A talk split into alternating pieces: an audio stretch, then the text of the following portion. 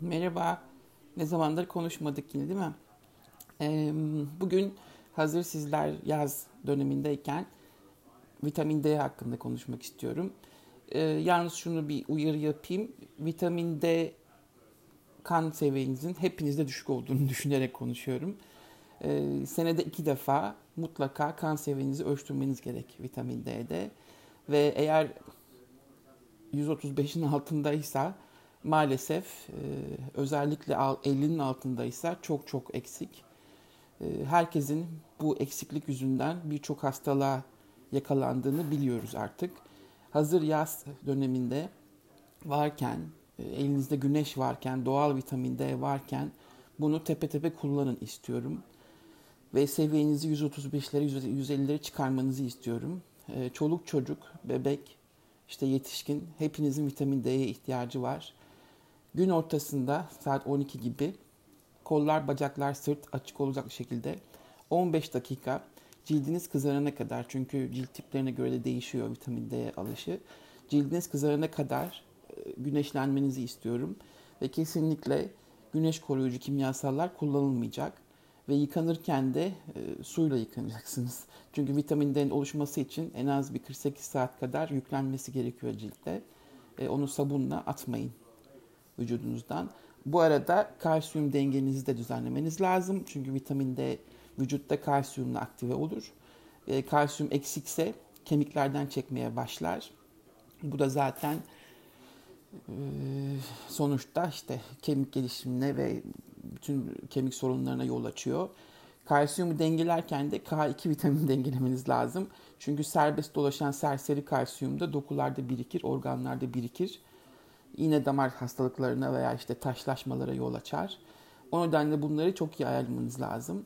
En son okuduğum bir kitap var. Bir adam kendi deneylerinden yola çıkarak e, mucizevi şekilde işte vitamin D ile nasıl iyileştiğini ve birçok hastalıklarını yok ettiğini anlatıyor kitapta. Şimdi o kitaptan size bazı parçalar okuyacağım. E, kitaba gelelim. Hmm. Vitamin D'yi önceleri bulamıyorlar tabii ne olduğunu ama 1967'lerden e, itibaren çok dikkat çekiyor bu şey. Fakat aslında geriye gitseler ben size önceki yayınlarda söylemiştim. E, Hipokrat özellikle güneş tedavilerini kullanıyor. E, Nightingale ünlü nurse hemşire güneş tedavilerini kullanıyor. Ve 1920'lerde hasta, hastalar hastanelerde odalarda tutulmuyorlar. Hepsine özel yataklar yapmışlar. Hepsi bahçeye çıkıyor ve güneşleniyor ve birçok hastalığı vitamin D ile yeniyorlar. Maalesef modern tıp Hipokrat'ı da sildiği için, unuttuğu için, Florence Nightingale ile zaten hiç ilgilenmedikleri için 1950'lerden sonra insanlar iyice kapalı hayatlar yaşamaya başlıyorlar. İşte evdir, ofistir, okuldur. Hepsi güneşten kaçan bir duruma geliyor ve hastalıklar gittikçe artmaya çalışıyor ve bu grup vitamin D grubu tüm hastalıkların temelinde vitamin D eksikliği olduğunu anlatıyor. Ve insanlar belki daha yeni yeni uyanmaya başladı ama hala yeterince vitamin D'nin e, reklamı yapılmıyor. Özellikle işte skin cancer, cilt kanseri yapar. İşte mutlaka e, bu kimyasalları kullanın diye bir e, reklam furyası var biliyorsunuz Big Pharma tarafından yani kirli bilim tarafından yapılan. Oysa ki cilt kanseri bir genetik e, iki, bu kimyasalların yol açtığı aslında söyleniyor. Yani güneş koruma kremlerinin. Evet yüzünüzü koruyabilirsiniz bir şapkayla, bir şemsiyeyle. Fakat kesinlikle vücudunuzu güneşlenirken kullanmayın. Tabii ki burada güneşlenirken derken gidip de işte kahverenge dönecek kadar kavrulmanızdan bahsetmiyorum. Yani cildi e, yok etmenizden bahsetmiyorum. Ama günlük mutlaka güneş banyosu yapmak zorundasınız. Ee, birçok mesela ultraviyole yataklarında olur ya şeylerde e, ten stüdyolarında ne derler onlar güneşlenme işte e, stüdyolarında e, zaten siz kendiniz görüyorsunuz böyle cildiniz düzeliyor işte akneler falan geçiyor. Tamam onların da seviyesi çok yüksek olduğu için zararlı. Zaten Avustralya'da falan yasaklandı ama bu sizi güneşten itmesin. Mutlaka güneş olduğu zaman faydalanın. Şimdi kitaptan e, vitamin D'nin yol açtığı hastalıklara giriyorum. Bir, şişmanlık. Bütün şişmanlarda 1980'den beri yapılan araştırmalarda vitamin D eksik. Çünkü vitamin D eksildiği zaman e, iştah tamamıyla yağlara ve karbonhidratlara kayıyor. 2. Depresyon. Özellikle kış aylarında artıyor ve şeyde vitamin D'nin en düştüğü zamanlarda bunu da Norveç gibi İskandinav ülkelerinde zaten görürsünüz çok yüksektir depresyon ve intihar olayları. 100 bin günde 100 bin IU derecede yüksek vitamin bütün şeylerde bu depresyonlarda düzelttiği görülmüş. Artrit dediğimiz işte eklem romatizmaları yüzde 80 e, vitamin D yükseldiği zaman düşüyor. Otizm çocuklardaki veya işte e, yetişkinlerdeki tamamıyla Mart ve Kasım aylarında doğan çocuklar arasında daha fazla olduğu gözlenmiş.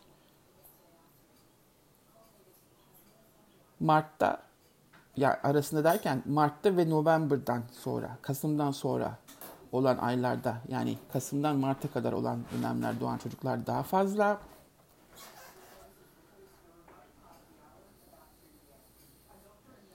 Ondan sonra 99 Sandbox e-booklardan demiş. Emil'in işte bir otistik çocuğun yüksek vitamin D ile ne kadar düzeldiğini anlatıyor. MS hastalığı, kesinlikle vitamin D. Ee, Birçok bu konuda işte bir yayın yapmıştım, daha doğrusu yazmıştım. Meksika'da e, MS hastalarını vitamin D ile iyileştiriyorlar. Evet tedavi ediyorlar. Bildiğiniz tedavi ediyorlar. Ve o artık tiyatro standartına kadar düşmüş olan MS hastaları düzeliyor. Bu korkunç bir araştırma. YouTube'da bunun şeysi de var. Linkine vermiştim. Bunu da size yazarım tekrardan. Alzheimer vitamin D eksikliği diyor. Şizofreni vitamin D eksikliği diyor. Astım kesinlikle vitamin D eksikliği diyor ve yüksek doz vitamin e, D3 alanlarda, D kullananlarda e, tamamıyla düzeliyor diyor. Mesela Alaska'dan bir e, yorumcu, bir vatandaş yazmış. Günlük 20 bin 30 bine çıktığı zaman astımı düzelmiş kadının. Ee, sikloderma, kolajen hastalığı, vitamin D özellikle çocuklarda. Alerjiler, özellikle fıstık alerjisi mesela vitamin D eksikliğini artıyor diyor.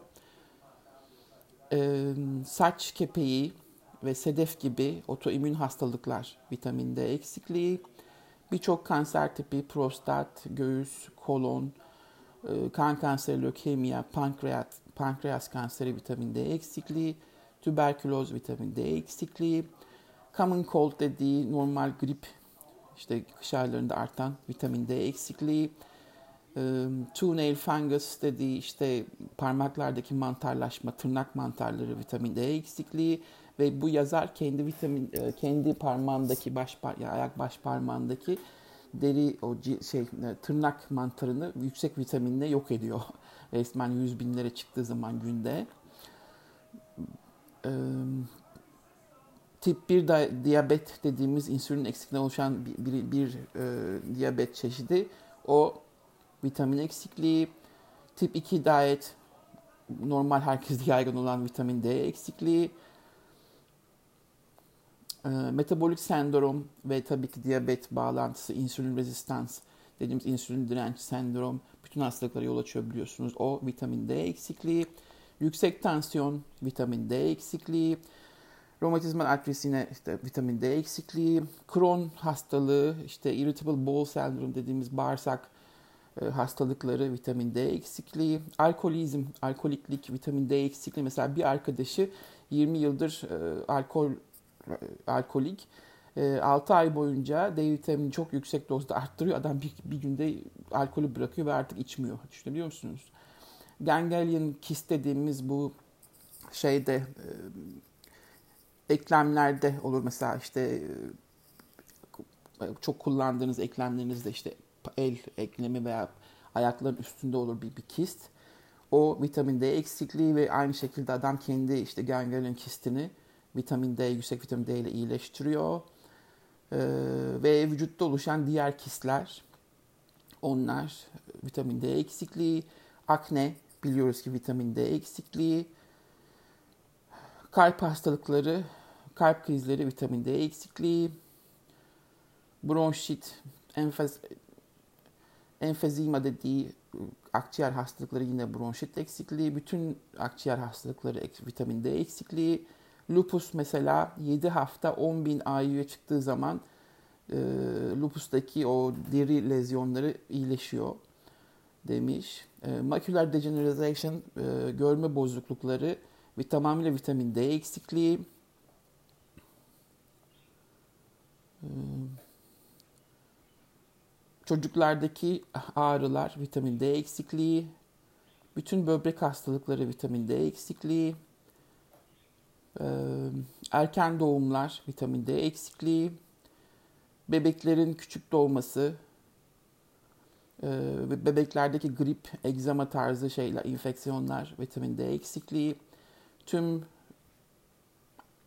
pregnancy yani hamilelik teki o yüksek işte diyabet olsun, yüksek tansiyon olsun, vitamin D eksikliği, düşükler, vitamin D eksikliği, ülser ve helikobakteri pylori biliyorsunuz gastrit ve ülser yapan o çok güçlü bir bakteri.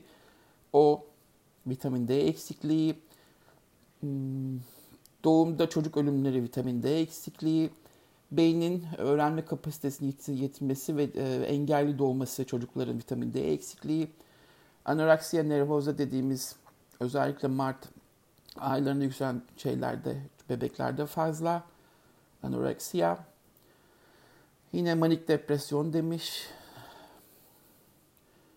Ee, %54 felç e, hamilelikten sonra 1994'te artmaya başlamış.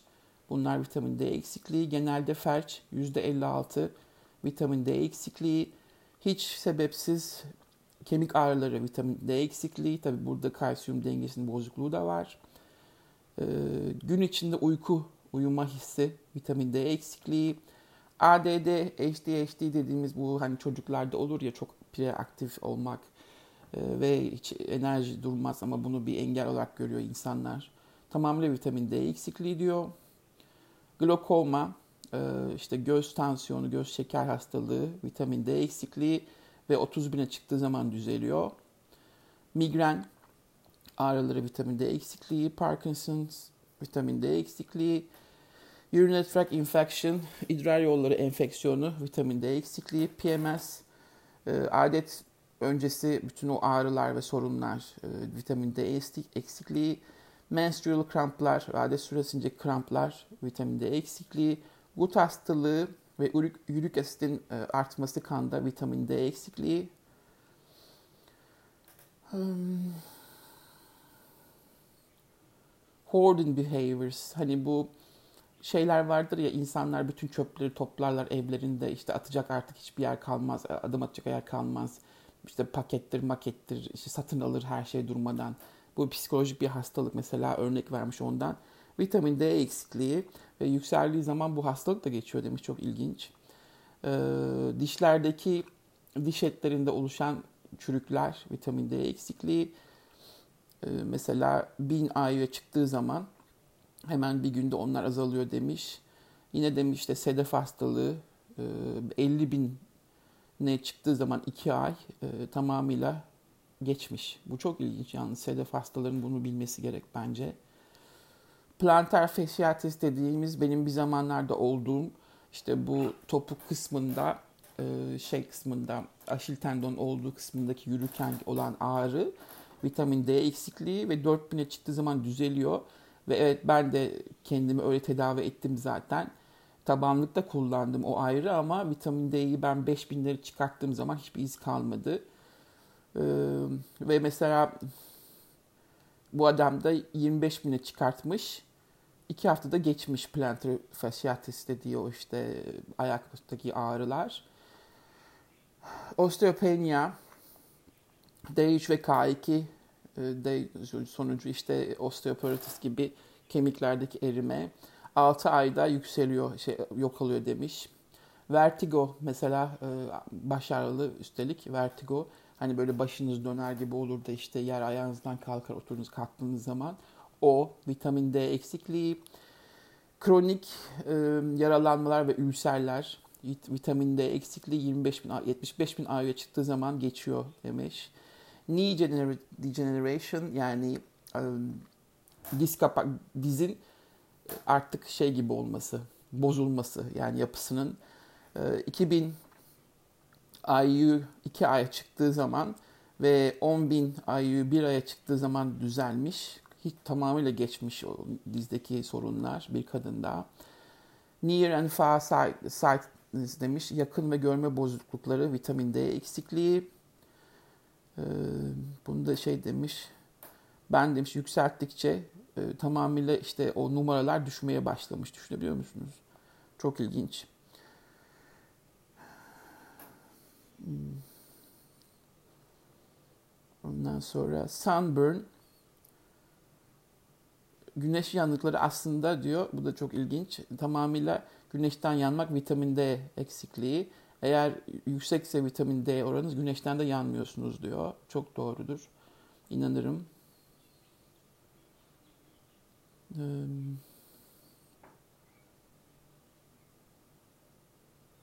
Sonra hypoglycemia yani şeker kandaki şekerin inip çıkması düzensizliği tamamıyla vitamin D bir hafta bir ayda düzelmiş bir şeyinde varicose vein varis damarları vitamin D eksikliği ve geçiyor diyor.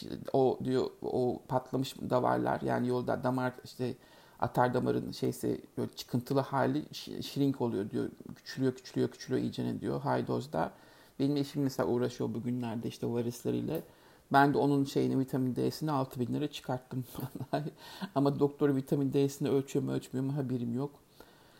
Ee,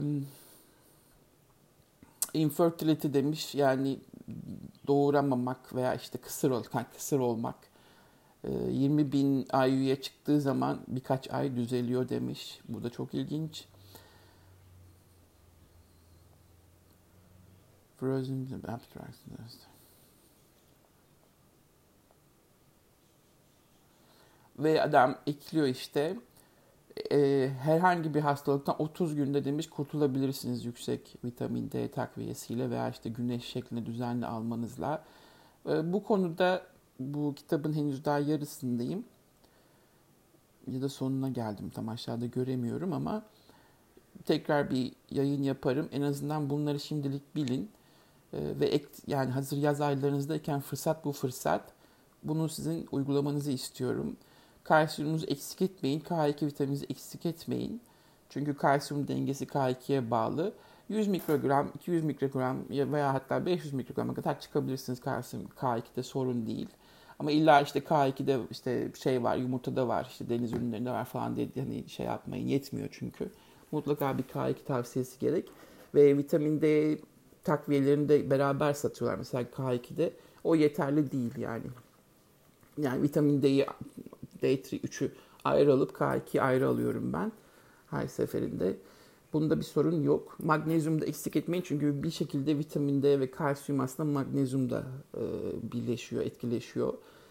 Aynı zamanda çinko ve iot da bunları da birbirimize eklememiz lazım. Yani bunlar çünkü ana temel bizim işte mikronutrition dediğimiz o minik e, şeyler, e, mineraller ama çok önemli.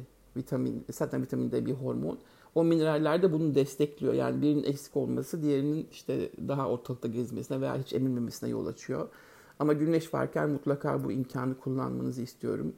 Ee, mesela görüyorum işte bebeklerini böyle yani çıplak gezdiriyor çocukları zaten güneşte. Ee, olabildiğince az kıyafetli olsun, olsun hiçbir şey olmasın.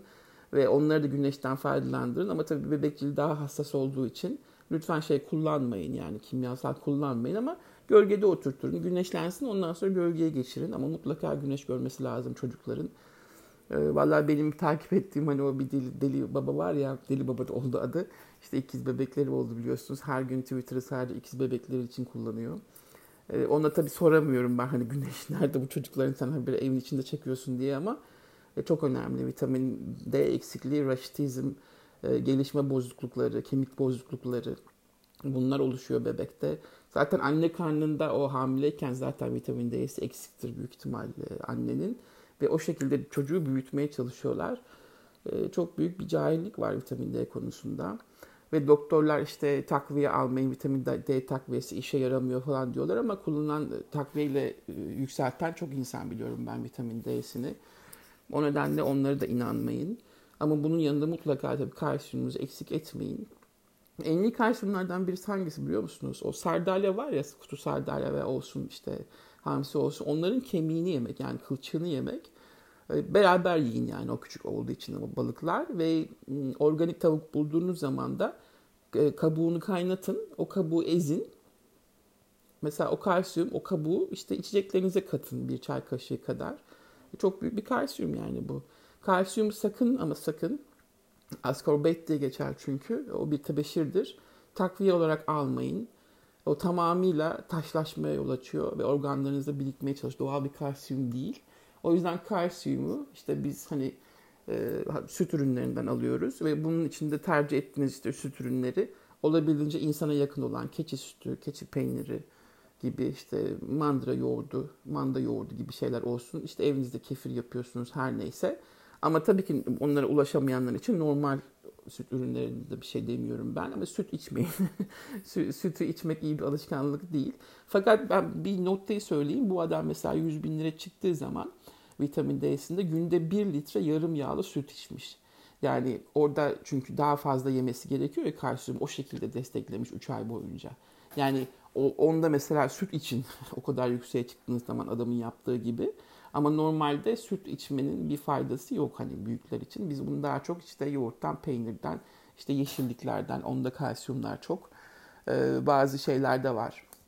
Isırgan otu gibi bitkiler de fazla. Onları falan yiyerek almaya çalışıyoruz. Ama asla kalsiyum takviyesi e, çok büyük bir hatadır. Ben hiç unutmuyorum. İşte kemik erimesi var diye tabii estrojen de eksiliyor ya kadınlarda menopozdan sonra. Kemik erimesi başlıyor hakikaten. Ee, anneme böyle kutu kutu kalsiyum hapları yazmıştı doktoru. Ee, ve büyük ihtimal damarların tıkanmasında ve felç geçirmesinin sebep bu yazdığı kalsiyum e, ta, vitamin takviyesidir. E, tabii o seviyede değildim ben o zaman bilgi olarak. E, doktorlar da maalesef o seviyede hiç değiller. 50 yaşındaki geçen bütün kadınlara vitamin, kalsiyum takviyesi yazıyorlar. E, benim o takviyeyi alıp onların kafasına fırlatmak gibi içimden bir istek geçiyor. E, buna çok dikkat edin olur mu? Yani kalsiyum takviyeyle asla alınmaz.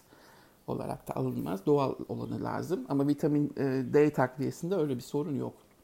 Çünkü onu zaten işte koyunun tüyünden, kılından, doğalından yapıyorlar. Yağını çıkartıyorlar vitamin D olarak. Onu onu vücut görebiliyor ama kalsiyum bildiğiniz tebeşir tozu. Ascorbate yani. Buna dikkat edin. Son zamanlarda neyle uğraşıyorum derseniz eğer ben bir deneye başladım. 21 gün boyunca sürecek. Çünkü bağırsak bakterileriyle uğraşıyorum. Onların çeşitliliğini arttırmaya çalışıyorum. Maalesef araştırmalarım gösteriyor ki ketojenik ve karnivor yani et ağırlıklı beslenenler ve yağ ağırlıklı beslenenlerde bağırsak bakterileri iyi gelişmiyor. Her ne kadar onlar biz gayet sağlıklıyız diye reklam yapsalar da e, hepsine ben soruyorum mesela bu başı çeken işte influencer dediğimiz etkileyen o doktorlara falan. Hiçbiri kendi bağırsak şeyini e, bakteri florasını yayınlamadı test sonuçlarını. Ama okuduğum birçok yerde bu şekilde zaten yazıyor araştırmalarda. En çok bağırsak bakterisi geliştiren insanlar veganlar ve vejeteryanlar. Çünkü onlar düzenli olarak fazlasıyla çeşitli sebze yiyorlar ve meyve yiyorlar. Ve iyi tip bakteriler vücudunuzda bu doğal sebze ve meyvelerin şekeriyle yaşıyor ve on, onlarla besleniyorlar. Ama mesela kötü bakteriler e, yediğiniz işte karbonhidrat yani düz kar, rafine dediğimiz bizim rafine şeker ve işte unlarla besleniyor. Eğer işte ağırlık yiyeceklerinizde rafine undan yapılmış malzemeler işte börekler, kekler neyse atıyorum ekmekler, pizzalar falan varsa tamamıyla çökmüş durumda sizin bağırsak floranız ve bu da çok büyük hastalıklara yol açıyor. Metabolik hastalıklara yol açıyor ileride. Ama daha böyle vejetaryana kaydığınız zaman hatta size en iyisini söyleyeyim Akdeniz tarzı diyeti diyorlar ya işte o tarz diyete kaydığınız zaman yani mesela işte İzmir'in Ege'nin otlarını düşünün çok çeşitli otlarını. Aynı şeyi ben e, Japonlarda ve Çinlerde görüyorum. Çok çeşitli otlar yiyorlar. Yani ben hayatımda o otları görmedim. İşte gidiyorum buradaki marketlerde falan. Ben de deniyorum hepsini tek tek. Daha çok ağırlık sebzeye kaydığınız zaman ve içinde işte meyveler yazın mesela yaz meyvelerinden asla vazgeçmeyin. Onlara kaydığınız zaman bağırsak floranız bir ay içinde düzelmeye başlıyor ve iyi bakteriler artıyor. Ben de bundan yola çıkarak 21 boyunca vegan olmaya karar verdim.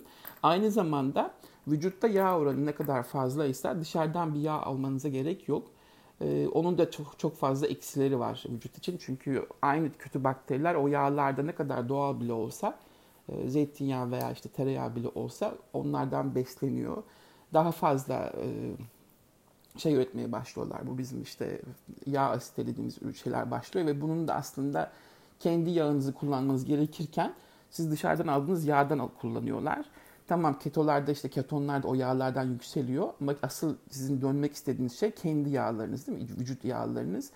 Ee, bir araştırmaya göre zaten bu şekilde beslenenler önce organ yağlarını yakıyorlar. Yani işte karaciğer ve pankreas. Bugün kimse mesela pankreas kanser, pankreas yağlanmasından bahsetmiyor ama pankreas çok hassas bir ve minnacık bir organ.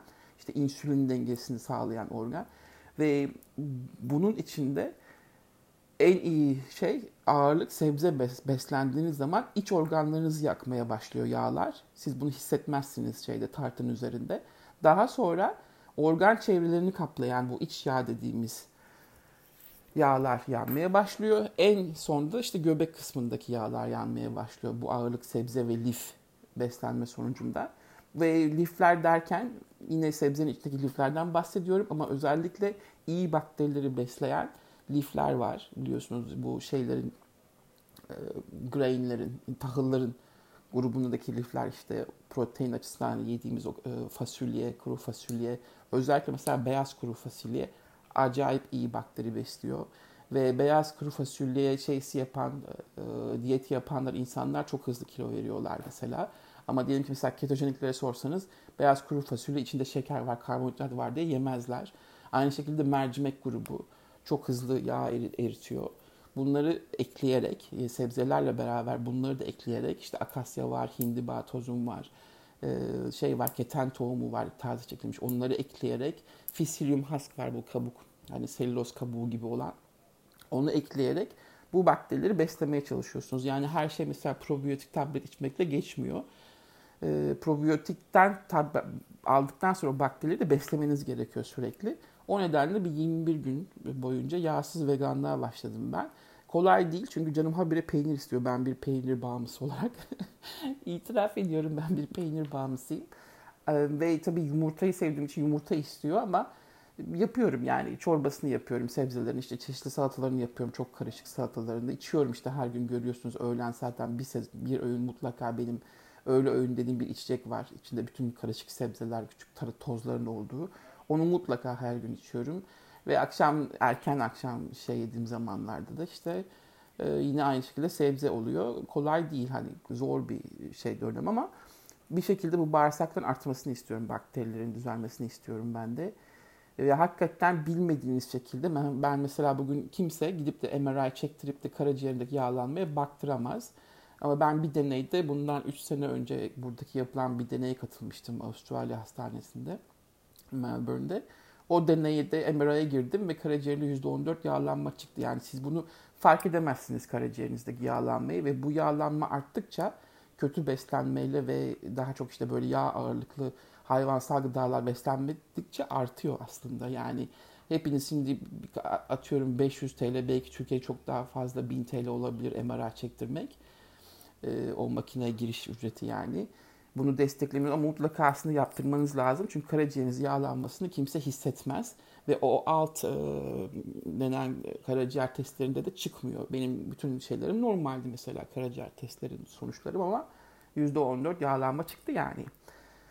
Bunlar iyi bir şeyler değil çünkü o artışı da engelleyemezsiniz. Mecbur benim teorime göre, bu teoriye göre yaz aylarında özellikle işte bol sebze ve normal meyvenizi devam ettirerek hatta meyveyi de kür olarak işte hep öneriyorum ben bir öğün de meyve yiyin mutlaka.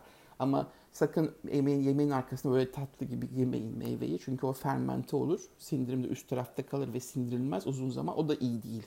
İyi bakterileri değil, kötü bakterileri besler. Ama mutlaka bir öğünüz meyve olsun yani. Hani herhalde özellikle şimdi işte bilmiyorum fiyatları tabii alamıyorsa olabilirsiniz ama işte kayısı, şeftali, e, karpuz, kiraz bunları asla asla terk etmeyin. Ve çok faydaları var. O kadar farklı ki mesela bir ay boyunca karpuz kürü yapan bir insanın ben sedef hastalığını yine temizlediğini okumuştum. Vücuttaki bütün toksinleri de şey yapıyor, temizliyor, atıyor karpuz. Sitrulin var çünkü o beyaz kabuk kısmında özellikle. O çok yardımcı. Ee, zaten bir şeyi doğaya göre yaptığınız zaman yazın daha çok sebze, meyve yemek e, normal gelmiyor mu size de yani? Ve kışın da daha çok kuru e, beslenmek ve işte bakliyatlarla ve et ağırlıklı beslenmek normal değil mi? Isıtıyor çünkü termojenik etkisi var onların vücut içinde. Veya biraz yağı arttırmak gibi olabilir. E, çünkü kışın üşüyoruz.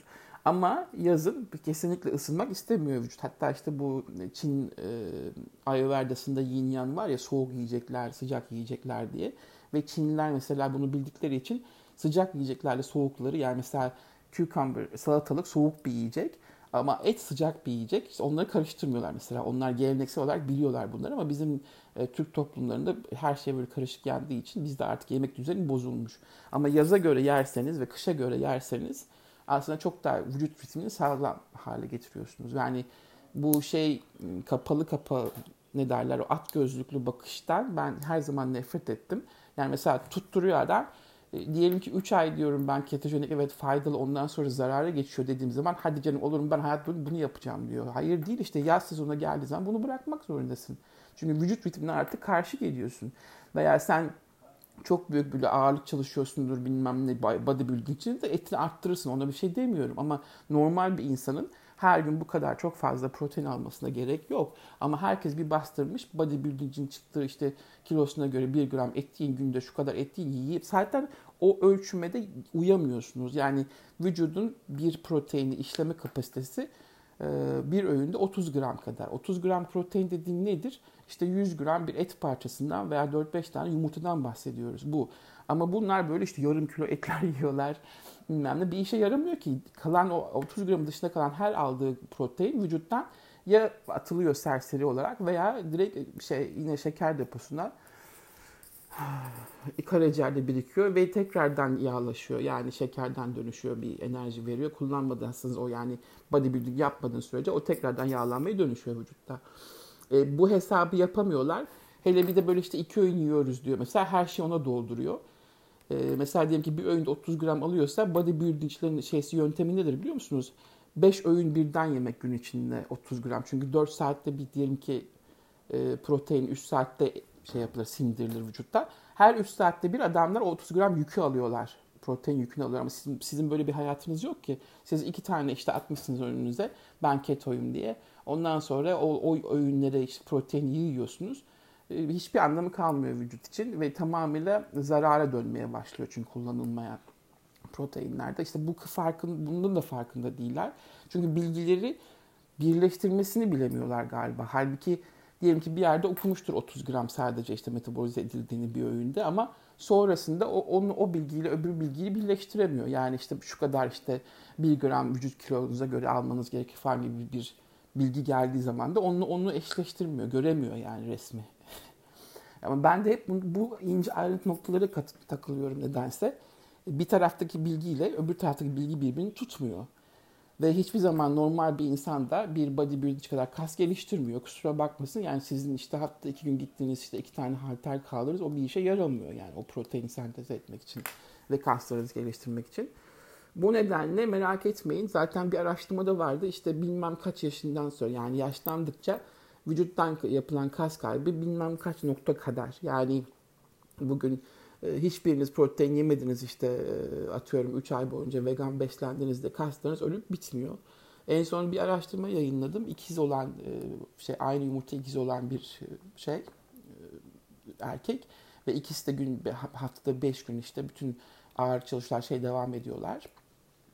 Teste girince 3 ay boyunca bir birisi ikizlerden bir tanesi vegan besleniyor, bir tanesi de ketojenik besleniyor. Yani az bir sebze ama ağırlık et olarak besleniyor. 3 ay sonucunda ketojenik beslenen olan da kasta çalıştıkları için onlar haftanın 5 günü 4 kilo kas alıyor. Kastan kazanıyor 4 kilo ve 2 kilo da yağ alıyor bak. Ve adam şişmanlıyor. %13 olan yağ oranı vücutta zayıf bir insan %15'lere fırlıyor. Düşünebiliyor musunuz ketojenik beslenmenin etkisini? Ve siz kas yapmadığınız için bunu direkt yağa atıyorsunuz. Ama öbür tarafta öbür ikiz kardeş vegan beslenen de %13'ten %12'ye düşüyor yağı. Ee, tamamıyla yağdan kilo veriyor ve düşün artık içlerindeki bütün organları yağlarını temizliyor ve kas şeysinin kaybı da yaşamıyor. Ve sonunda iki kardeş de şeye karar veriyorlar. Yani çok yüksek ağırlık, yüksek sebze beslenme ve normal et beslenmede karar veriyorlar bundan sonraki yaşamlarında. Yani kişilere bu deneyleri yaptığınız zaman ancak fark edebiliyorsunuz. Öyle işte genel kuramlarla ortaya çıkıp da işte şunu da yemeyin, bunu da yemeyin bilmem ne falan diye değil. Önce bütün testlerden geçmek, arkasından o kişiye özel takip etmek gerekiyor. Bunu hangimiz yapabiliyoruz bu parasızlıkta? Hiçbirimiz yapamıyoruz. Öyle olunca da e, işte bu sabit fikirli insanlara karşı çıkıyorum. Benim karşı çıkmam bu. Yoksa insanlara tabii ki mesela ketojenik beslenmenin bir faydası var. Çünkü sizi böyle bir gem gibi böyle bir çekiyor geriye e, karbonhidratlardan bir farkına varıyorsunuz değil mi? İşte bunda şey varmış, şu kadar karbonhidrat varmış. Bir şeyiniz öğreniyorsunuz yani bir bilgi. Ama ondan sonra buna devam etmek tamamıyla külliyen ve buna devam edin demek diyenler zarar vermeye başlıyorlar. Yani olay bu. Benim karşı çıktığım olay. Ee, işte bu deney devam ediyor. Bugün 8. gün. Ee, bırakmayacağım ama devam edeceğim daha çok yıkamaya sebzeyle. Meyve olarak da mesela akşam acıktığım zaman şey yiyorum. İşte muz veya elma gibi bir şey varsa öyle bir şey. Ee, genelde zaten şey var bizde kuru yemişler. Neyse atıyorum bir avuç kadar şey çinko daha fazlalaştırmak için bu zamanlarda biliyorsunuz virüs zamanlarında ekstra çinko şey alıyorum, vitamin takviyesi alıyorum ama kabak çekirdeği yiyorum. O şekilde devam ediyor. Bakalım gitsin. 21 gün sonra da başka bir deneye başlayacağım. Ama bu bir şekilde en azından bakteriler düzelsin diye uğraşıyorum. Yani bundaki şey bu. Yani vücudun kendi yağını yakmasını istiyorum. Ve aynı zamanda da bakterilerin artmasını istiyorum. Bağırsak bakterilerinin. Ve bunun da yolu buradan geçiyor. Ee, kendi bir yaptığım bir yoğurdum var benim. Bunu da kimse bilmiyor aslında. Bunu ben keşfettiğim zaman e, çok sevindim. Çünkü probiyotikler ucuz şeyler değil, pahalı. Normal süte 4-5 tane probiyotik takviyenin içini boşaltıyorsunuz o bakterileri. Ve o süt 48 saat kadar böyle yarım bardak kadar süt düşünün. 48 saate kadar resmen kefir oluyor, yoğurt oluyor. Ondan bir kaşık gece yatmadan önce yiyorum. Ve altında kalan yoğurt kısmı tekrar süt ekliyorum. Aynı kefir yakmak gibi o tekrar üremeye başlıyor bakteriler. Böyle olunca 5 kapsül probiyotikten ben 2-3 hafta oho kendime probiyotik yoğurt çıkartıyorum. Çok karlı. Yani böyle tek başına işte şey atıp da e, belki de hatta o bakteri şey bile olmuyor. Hani mide e, asitleri yüzünden aktive olmuyor. O boşuna tablet içiyorsunuz yani. En iyisi kapsülü aktifleştirmek bu şekilde kendi evinizde aynı kefir yapar gibi. Resmen yoğurt tadı yani yoğurda dönüyor o süt. Ve onu kullanır mesela bir hafta işte aynı şekilde iki, üstüne ekleye ekleye süt ekleye ekleye kefir yapar gibi 3-5 haftaya çıkartıyorsunuz ve çok da kazançlı oldu. Hatta birkaç probiyotik şeylerim var benim farklı farklı kapsüllerim. Onları birbirine karıştırıyorum. yani kendi kendime bir yöntem buldum ve o içeceğim içine de bir kaşık ondan katıyorum gündüzleri de veya ona katmadıysam gece yatarken içiyorum. Ve bu arada işte sebzelerle, meyvelerle o e, iyi bakteri tekrardan beslemeye çalışıyorum. Hakikaten kolay değil çünkü bakterileri büyütmek ve onu o seviyede tutmak. Ama işte vejetaryen veganların böyle bir artısı var. Tabii ki onlar protein açısından çok eksikler. E, B vitamini açısından çok eksikler. O bakımdan onların eksisi var ama bir baktığınız zaman e, kilolu bir vejetaryen çok az görürsünüz. Yani genelde hepsi zayıftır. Çünkü onların yaşam süresi o bakteriler öyle iyi çalışmaya başlıyor ki artık e, şeyleri metabolizmaları hızlı dönmeye başlıyor. Yani benim gördüğüm kadarıyla, gözlemlediğim kadarıyla bu. Ama tabii ki herkese ben hani vegan olun demem. Ama Akdeniz diyetiyle devam etmek gayet mantıklı. Akdeniz diyetinde hem bol sebze var, meyve var, hem de balık var, deniz ürünleri var. Fakat Akdeniz diyetinin de bu karnivorlar böyle laf çakacağız diye gidip İtalyanlarla karıştırıyorlar. Kusura bakmasınlar ama İtalyanların beslenmeyen mutfağı Akdeniz diyeti değildir. Akdeniz diyeti bizim dediğimiz işte Girit adası, Yunanistan bütün adaları ve bizim Ege sahillerimizin yaptığı diyettir.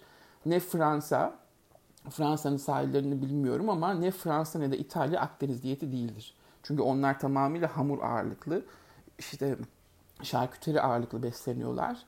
Ee, özellikle İtalyanlar yani onların pastırmaları, çeşitleri, salamları olsun, işte e, pizzaları zaten ortada, işte makarnaları ortada. Yani İtalyan ve Fransa'yı çıkarttın, onlar Akdeniz ülkesi değil. Ama bilmiyorum belki Portekiz'de daha farklı yerler. Asıl benim Akdeniz diye beslediğim beslenme şekli dediğim Girit adasından çıkma ve bizim bütün Ege'nin sahillerinin sahip olduğu beslenme. Ve dikkat edin bu insanlar o kadar fazla et yemezler yani. E, tereyağı falan da yemezler fazla. Ve tamamıyla zeytinyağı ağırlıklı ve bol sebze, meyve ve deniz ürünleri yerler. Bu kadar onların işte Akdeniz dediğim bu. Yani sürdürülebilir beslenme ve sağlığa zararlı, yararlı beslenme bu. Ama işte öyle uçuk gidip de işte hayatınız boyunca vegan olacaksınız, ketojenik olacağım, işte carnivore değil. Bir dönem yaparsınız 3 ay e, faydasını görürsünüz ama ondan sonra devam ettirmeniz gereken beslenme şekli Akdeniz beslenmesi. Bunun üzerine bir sürü kitaplar da yazıldı zaten ama herkes bu noktaları karıştırıyor. Sanki İtalya gibi algılatmaya çalışıyor insanları. Bu çok yanlış. Bizim Ege, Ege, Ege beslenmesini kendinize e, şey yapın. E, ne derler? Bir çizgi olarak kabul edin, bir rehber olarak kabul edin. Ege beslenmesi. Bizim İç Anadolu'da zararlı, Doğu Anadolu ve Güney kısmı da zararlı e, ve büyük hastalıkların sebepleri de onlar zaten. Ya zaten bir de Ege'de şöyle bir durum da var. Güneş alıyorlar farkındaysınız yani. Ege ve bizim Akdeniz sahilleri ve onlar o bakımdan da çok şanslı ve o nedenle Akdeniz çevresinde olan insanlar çok daha sağlıklı güneş yüzünden. Ya vitamin D'yi de buradan böyle bağlayayım. Böyle devam edelim bakalım ne kadar şey olacak. İşte deneylerim benim devam ediyor ve bu deneyleri herkes yapsın. Yani ben hiçbir insan kendisinde işte şu olmaz, bu olmaz. Mesela e, bana tepkilerinizi görüyorum. İşte bu olur mu, bu sağlıklı mı, bu bilmem ne mi falan. Bunu yapmadan deneyebilemezsiniz, hissedemezsiniz vücudunuzda ne olduğunu. Ve e, sebze yemenleri sağlıksız ki, sağlıksız ki. ben bunu anlamadım. E, kalori düşük kalori bugün herkes yazıyor. Bütün bilimciler söylüyor. Düşük kalorili insanlar çok uzun yaşıyorlar. Ve işte yok düşük kalori olunca işte tiroidleriniz çöküyor da bilmem ne saçlarınız falan diye değil. Evet belki o şekilde dönebiliyorsunuz düşük kalori çok uzun zaman olduğu zaman ama bütün veriler ben size işte anlatmıştım benim e, komşularım ne kadar uzun süre yaşadılar düşük kaloriyle 90'ları yaşları gördüler. O işte çiftçi adamı anlatmıştım Türk köylüsünü. Adam 80 yaşında hala tarlada çalışıyor. Düşük kaloriyle beslenmiş hayatı boyunca. Çünkü tarlaya çıktığı gün sadece iki öğün Evde yattığı günün sadece bir öğün. O da her seferinde bir tabak yemiş adam. Ve zaten bütün dünyanın bugün üzerinde tartıştığı işte böyle hastalıklarda, diyetlerde bilmem nenin adam temelini kendisi bulmuş zaten. Bir Türk köylüsünden bahsediyoruz. 80 yaşında hala aktif çalışan bir insandan bahsediyoruz. Ve bu insanlar yok oluyor bu kakofonun içinde. Siz bunları göremiyorsunuz, duyamıyorsunuz. Evet düşük beslenme, kalori beslenme enzimlerinizi ve hormonlarınızı yormadığı için e, tecavüz etmediği için vücuda çok daha sağlıklı bir beslenme. Ama işte bunun içindeki elementleri de dengelemesini biliyorsunuz artık. Yani ne gerekli size? Vitaminler, mineraller, belli oranda protein lazım. Ama bunu böyle abartılıp işte şu kadar protein yiyeceksin, yok bu kadar işte bilmem ne alacaksın falan, yağ alacaksın falan. Bunlara gerek yok arkadaşlar. Aslında bu zor bir şey değil yani. O, o kitlenmeyi açamıyorsunuz sonra bir tarafa ağırlık verdiğiniz zaman. Ama siz bu Ege beslenmesine devam edin Deniz ürünlerini arttırın çünkü iot ve selenyum çok eksik herkeste. Ee, ve korkunç yani bütün bu virüsler, bakteriler onların da etkisi yüzünden vücut savaşamaz hale geliyor. İşte sizin immün sistem dediğiniz, bağışıklık sistemi dediğiniz iki ana elementi aslında e, üç, iot, selenyum ve çinko eksikliğinden kaynaklanıyor. Çünkü artık bağışıklık sistemimiz çöküyor. E, vücuda zararlı bir patojen girdiği zaman virüs veya bakteri olsun o T savaşçı hücreleri ve alüvarlar artık e, çalışamaz hale geliyor. Çünkü hiçbir şey yok. İyot yok, çinko yok, selenyum yok. Nereye koştun en sonunda ölüp gidiyorsunuz yani. Önemli olan bu elementleri bilmek. Bunları sağladığınız sürece zaten e, çok yemenize gerek yok. Şunu şu kadar almanıza gerek yok. E, bakalım ne kadar devam edecek ben de bu şekilde. Yani o deneylerden kaçmayın. Kendiniz deneyler yapın. Hiçbir şey yapılamaz. İşte aman bu zor, işte aman ben bunu yapamam Mesela benim işte astım arkadaşı bir hastam var. hastam var. astım hastası bir arkadaşım var. Çok da tatlı bir kadındır, nefistir yani. Ee, fakültede öğretmen şey e, hoca ve Ve ben etten vazgeçemem diyor. İşte süt ürünlerinden vazgeçemem diyor ki aslında en çok etkileyenlerden biridir süt ürünleri. Çünkü o mukozayı arttırır. Ee, vitamin D'yi çok arttır diyorum. Yani ve bunlardan vazgeçemem dediği sürece de işte bilmiyorum yani hep böyle işte fıs fıslarla e, nefes darlığıyla hayatta ne kadar geçebilir ki? Yani zor. Bir şeyleri vücudunuzda yenmek için kendinize çaba göstermesi lazım. Maalesef ki ilaç sektörü size bu konuda yardım olmayacaktır. Hatta e, hastalığınızın hep devam etmesi o ilacı satın almanız için e, tam bir onlar için bulunmaz kaftan yani değil mi? Hastalıkların devam etmesi gerekiyor ki dünyada bol bol zenginlerimiz olsun. Yani işte böyle. Sonuna geldiğim zaman tekrardan bu kitabı açarım bir ara. En azından bitireyim. O 45 dakika konuşmuşum. Ne kadar çok konuşmuşum yine fark etmeden. Kulağınızı yordum. Bu arada arka müzikleri eklemiyorum artık. Çünkü bazılarını şikayet etti. İşte sesin az geliyor, müzik onu tıkıyor, arkada bas yapıyor falan diye. Ee, böyle kendi kendime böyle sessiz sessiz müziksiz konuşuyorum. Ne yapalım? Böyle olsun bakalım. Kendinize iyi bakın. Sağlıkça kalın. Hoşça kalın. Bye.